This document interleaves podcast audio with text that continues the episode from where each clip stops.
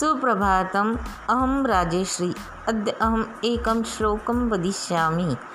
केयुरानि विभूषयन्ति पुरुषं हारा न चन्द्रोज्ज्वला न स्नानं न विलेपनं न कुसुमं नालङ्कृता मूर्धजा।